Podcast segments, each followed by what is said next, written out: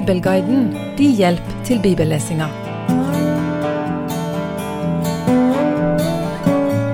Vi stoppet sist gang midt i kapittel 25. Kapittel 25 begynner med en kort kunngjøring nærmest om at profeten Samuel døde. Resten av kapittelet handler om David, Nabal og ikke minst hans kone Abigail. David og mennene har beskytta Nabals sauer og annet fe, og når Nabal skal klippe de og få inntekten av ullen, så ber David om å få ta del i festen. Nabal svarer så frekt at David og mennene spenner på seg sverd og går til angrep. Nabals kone, som ikke beskrives som ond og dum, hun tar med seg mat og drikke og rir David i møte.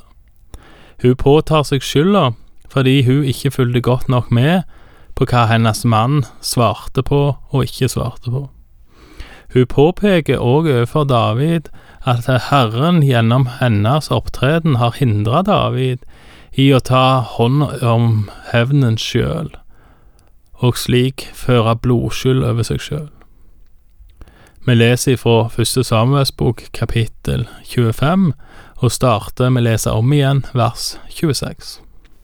Og nå, Herre, så sant Herren lever, og så sant du selv lever, har Herren hindret deg fra å pådra deg blodskyld og fra å ta deg selv til rette.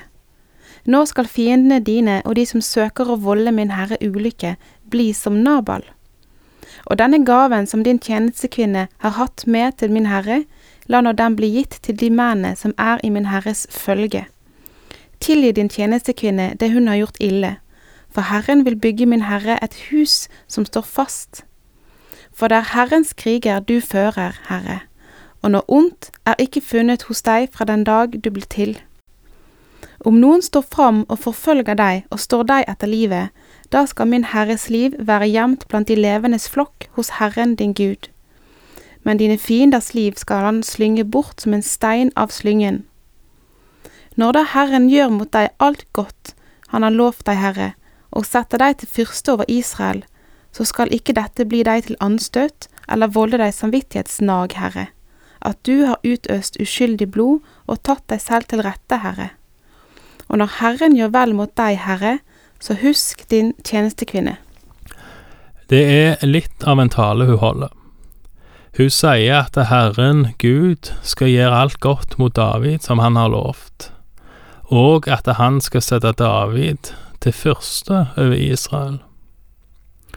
Hun gjentar at det å ikke sjøl ta hånd om hevnen gjør at han ikke kommer til å ha samvittighetsnag.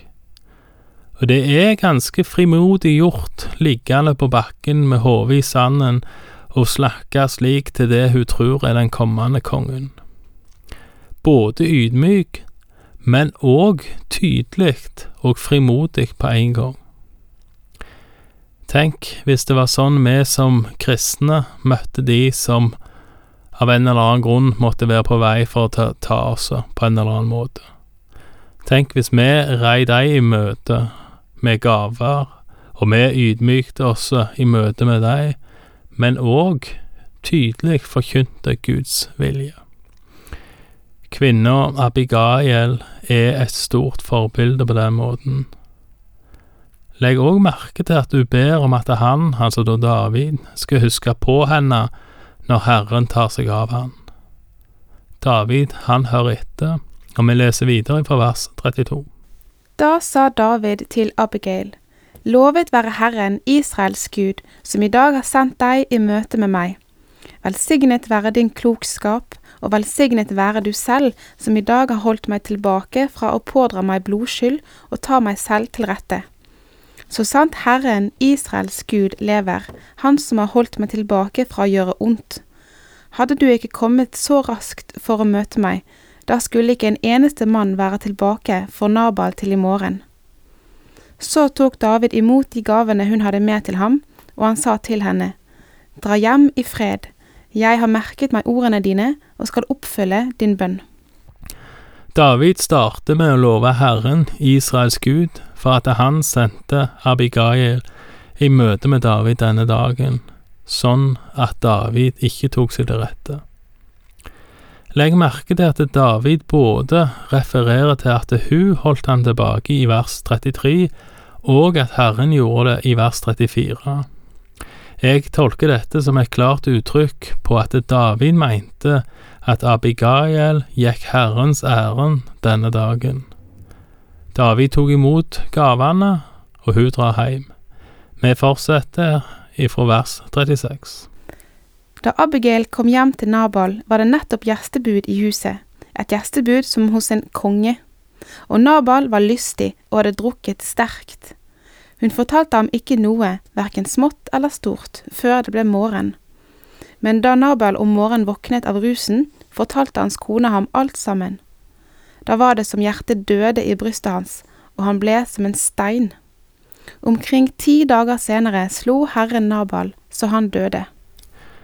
Nabal får seg her en eh, siste fest som en konge, står det. Kona venta viselig nok til at han var edru, før hun fortalte han hva som hadde skjedd. Da var det som om hjertet døde i han, står der, og han blei som en stein. Ti dager etterpå slo herren Nabal, står det, og da døde han. Dommen over Nabal kom fort, og når det står at herren slo Nabal, så kan jeg vanskelig finne noen annen måte å tolke dette på enn at herren dømte han for et eller annet.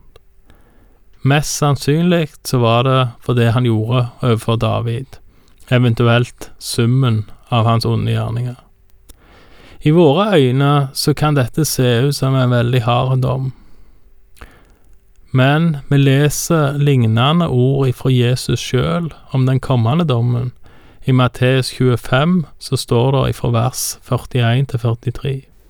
Så skal han si til dem på venstre side, Gå bort fra meg, dere som er forbannet til den evige ild, som er beredt for djevelen og englene hans. For jeg var sulten, og dere ga meg ikke mat. Jeg var tørst, og dere ga meg ikke å drikke. Jeg var fremmed, og dere tok ikke mot meg. Jeg var naken, og dere kledde meg ikke. Jeg var syk og i fengsel, og dere så ikke til meg. David og mennene var sultne, de var tørste, og de var fremmede.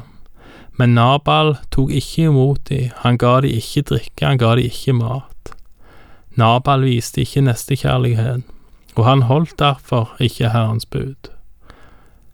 La oss sjøl huske på Jesu egne ord om at det er den som elsker Han, han holder Hans bud. Vi leser videre fra vers 39. Da David fikk høre at Nabal var død, sa han, Lovet være Herren som har hevnet min vanære på Nabal og holdt sin tjener tilbake fra å gjøre ondt. Herren, han som lot Nabals ondskap komme tilbake over hans eget hode. Så sendte David bud og fridde til Abigail for å få henne til kone. Davids tjenere kom til Abigail i Karmel, og de sa til henne, David har sendt oss til deg for å få deg til kone. Da sto hun opp og bøyde seg med ansiktet mot jorden og sa, Se, her er din tjenestepike, ferdig til å være din tjenestekvinne og vaske føttene på min herres tjenere. Og Abigail skyndte seg og gjorde seg ferdig. Hun satte seg på eselet sitt, og de fem tjenestepikene som pleide å følge med henne, gikk med. Hun dro av sted med de mennene David hadde sendt, og ble hans kone. Dessuten giftet David seg med Akinoam fra Israel. Begge ble de hans koner. Men Saul hadde gitt sin datter Mikal, Davids kone, til Palti, sønn av Laish, som var fra Gallim. Abigail blir Davids hustru, og hun virker til å være ei kone som blir til velsignelse for han. Hun har allerede vært med og hindra David ifra å falle i synd. Det står òg her i vers 43 at David gifter seg med ei annen, og det gjentas at han var gift med datter til Saul. Og det at Bibelen forteller at David gjorde disse tingene, må ikke tas til inntekt for at Bibelen antyder at Gud tillater flerkoneri. At det fortelles her, eller beskrives her, det tror jeg kun de gjør, fordi at det er en beskrivelse av de faktiske forhold.